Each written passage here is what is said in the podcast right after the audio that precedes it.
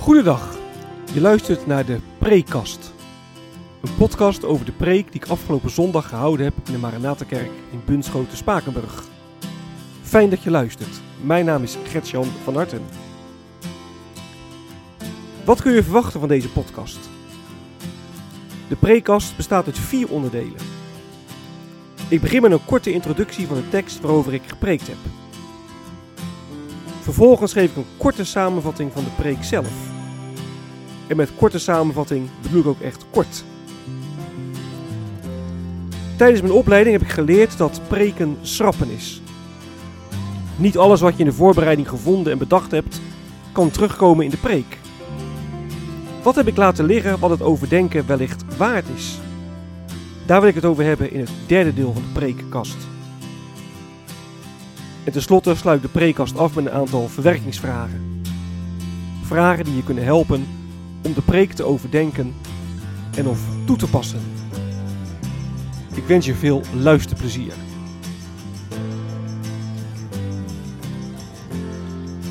De tekst.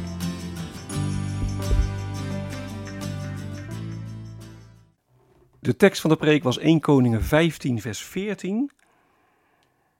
En daar staat, en al verdwenen de offerplaatsen dan niet, toch was Asa de Heer zijn leven lang met heel zijn hart toegedaan. En we hebben gelezen 1 Koningen 15 vers 9 tot en met 24. En het gaat helemaal over Asa, de koning van Juda. En we lezen dan dat, uh, dat Asa dus inderdaad goed deed wat, uh, of deed wat goed was in de ogen van de Heer. Hij heeft de mannen die tempelprostitutie bedreven het land uitgejaagd. Hij heeft de, de godenbeelden die zijn voorouders hadden gemaakt verwijderd. Zijn oma uh, Maacha, die had een koninklijke titel. En die titel werd, door uh, werd haar door Asaf ontnomen. Want Maacha die had een, een aanstootgevend beeld van Asherah laten maken. Nou, dit beeld dat wordt helemaal vernietigd kapot gemaakt door, uh, door Asa. En hij heeft dat beeld verbrand in de benning van de Kidron. Staat er in vers 13. Nou, verder wordt ook beschreven dat Asa in oorlog was met Baza, de koning van Israël. Die koning viel Juda steeds binnen. En dan gaat Asa hulp zoeken bij Benedad, de koning van Aram. En die gaat hem dan, uh, dan helpen om de strijd aan te gaan tegen koning uh, Baza. Het gedeelte eindigt met. Um, op overigens werd Asa op latere leeftijd slecht ter been. En toen hij stierf, werd hij begraven bij zijn voorouders in de Davidsburgt. En zijn zoon Jozefat volgde hem op. En Asaf had in uh, totaal 41 jaar geregeerd. De preek.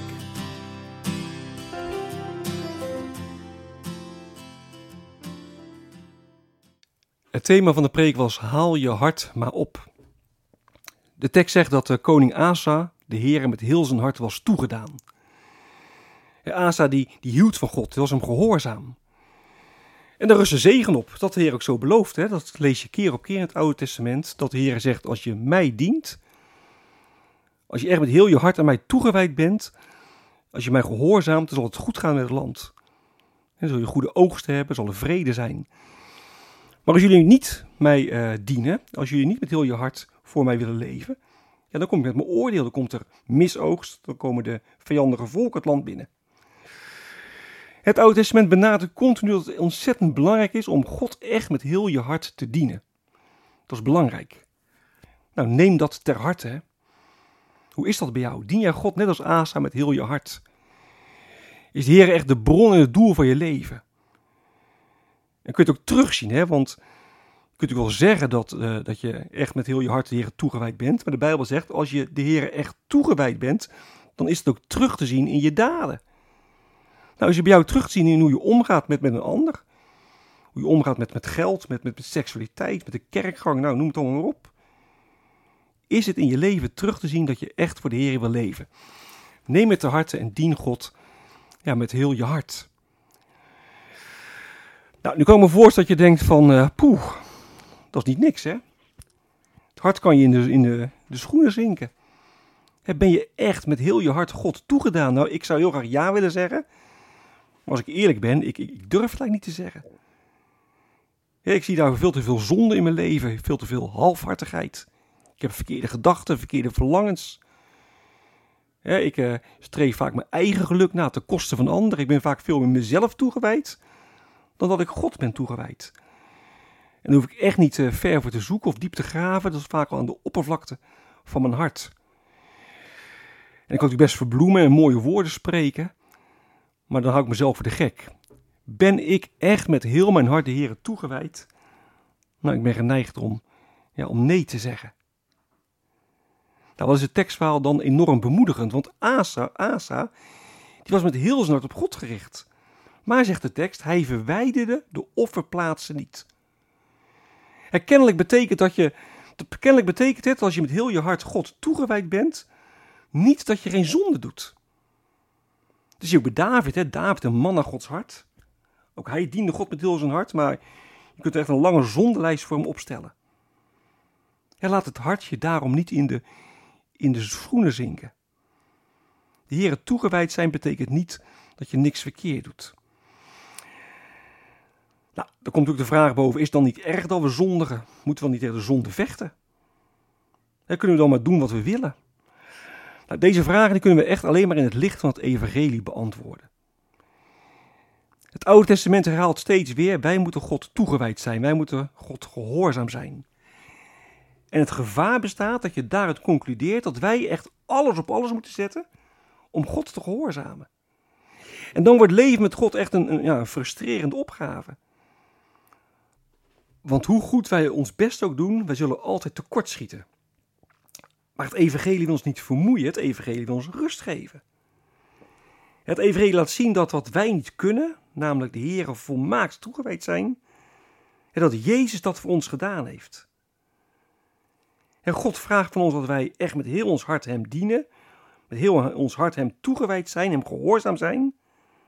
We kunnen dat niet, laat het Oude Testament continu benadrukken. Wij mensen, we kunnen het niet, maar Jezus, Hij heeft het voor ons gedaan.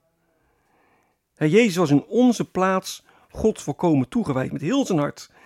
En op die manier heeft Hij onze schuld weggenomen en ons met, met God verzoend. En dan terug naar de vraag, maakt het dan niet uit hoe we leven? Ja, zeker wel. Maar, maar wie Gods liefde ziet, wie door die liefde geraakt is, die gaat de zonde haten. Die wil God geen, geen verdriet doen. Dat is een relatie. Als je iemand houdt, dan wil die ander geen verdriet doen. Dan wil je het goede voor die ander doen. En dan ga je inderdaad je best doen. Maar niet om de liefde van God te verdienen, maar vanuit de liefde van God, van God voor ons. Dus het evangelie is niet zwaarmoedig van wij zijn zondaars en het lukt ons maar niet om voor God te leven en doe je best maar. En nee, het evangelie is bevrijdend. Echt waar, halleluja. Ik mag, mag geleid door de geest groeien in geloof. En daarom het thema, thema van de preek, haal je hart maar op. Neem het te harte. En laat het hartje niet in de schoenen zinken, want Jezus Christus is gekomen omdat God ons een warm hart toedraagt. Wat is blijven liggen?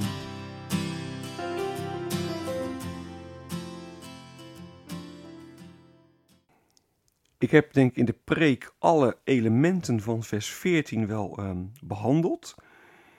Ik heb niet veel over de offerplaatsen gezegd. Daar kan ik nog iets meer over zeggen. In sommige vertalingen staat er hoogten. Offerplaatsen waren vaak op een, op een heuvel, op een verhoging in ieder geval. Er stond dan een altaar en er werd geofferd. En je had offerplaatsen voor afgoden. er werd dus voor de afgoden geofferd, voor Baal bijvoorbeeld. Maar je had ook offerplaatsen en hoogten die gewijd waren aan de heren. En die waren daar voordat ehm, nou, de, de tempel er was. Hè. Toen de tempel er was, toen moest er in de tempel worden geofferd. Maar toen de Israëlieten nog niet konden offeren in de tempel, toen uh, offerden ze op, op hoogten, op offerplaatsen die gewijd waren aan de heren. Lees je wat ook van Samuel, die op een, op een hoogte offert. En nou zijn er mensen, die, of er commentaren die zeggen, nou, vers 14 wil zeggen, de offerplaatsen verdwenen niet, maar het waren de offerplaatsen voor de heren, die hoefden niet uh, weg. Alleen die offerplaatsen voor de afgoden moesten weg. Ik uh, volg dat uh, niet, die, die uitleg, want er wordt heel duidelijk een tegenstelling gemaakt. Hè? Hij, de offerplaatsen verdwenen niet, maar toch was hij, hè, de heren met heel zijn hart, toegedaan. En dat geven we aan, die offerplaatsen hadden wel degelijk uh, moeten verdwijnen. toen de tempel was, was ook de bedoeling dat het niet meer dus op de offerplaatsen geofferd werd, maar in de tempels, ook hier in de tempel.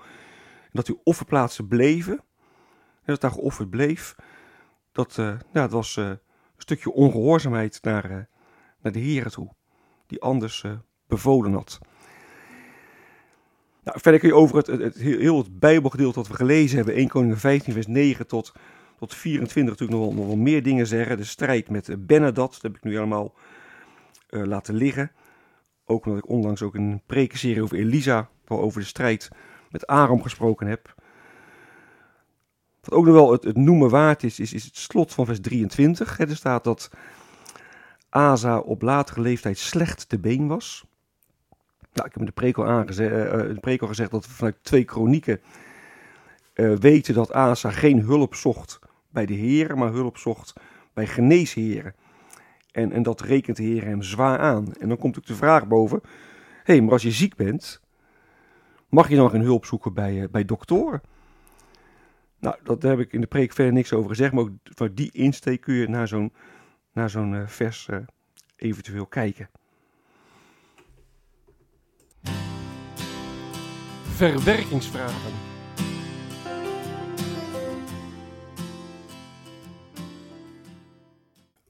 Op het uh, preekblad bij deze preek, preekblad dat je op mijn website kunt vinden, even googelen, Gertjan van Harten preekblad.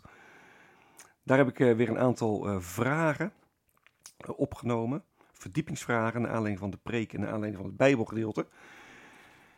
De eerste vraag is, het thema van de, de preek was haal je hart maar op. Maar in hoeverre kun jij echt je hart ophalen aan het evangelie van Jezus Christus? En haal jij je hart daar echt aan op?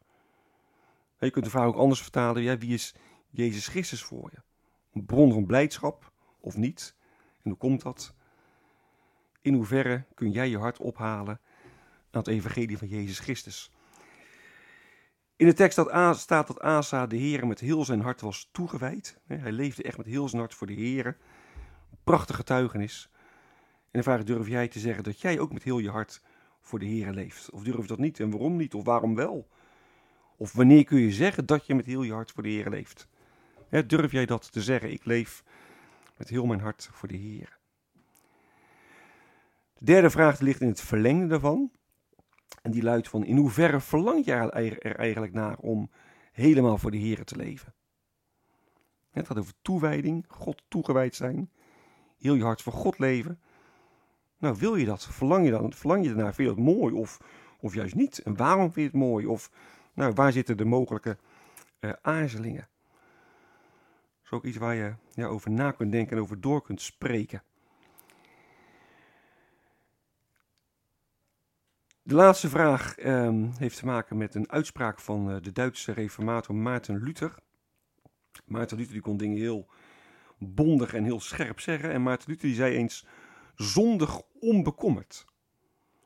Zondig onbekommerd. En de vraag is, wat zou Luther daarmee bedoeld hebben, denk je? Bedoelde hij, leef maar op los? Nou, verklap alvast, dat was het natuurlijk niet. Maar wat zou hij dan bedoeld hebben toen hij zei zondig onbekommerd? En ja, wat vind je daarvan? Nou, dat is natuurlijk een vraag die in aanleiding van deze preek, naar aanleiding van dit Bijbelgedeelte, aan jezelf kunt stellen of met anderen kunt uh, bespreken.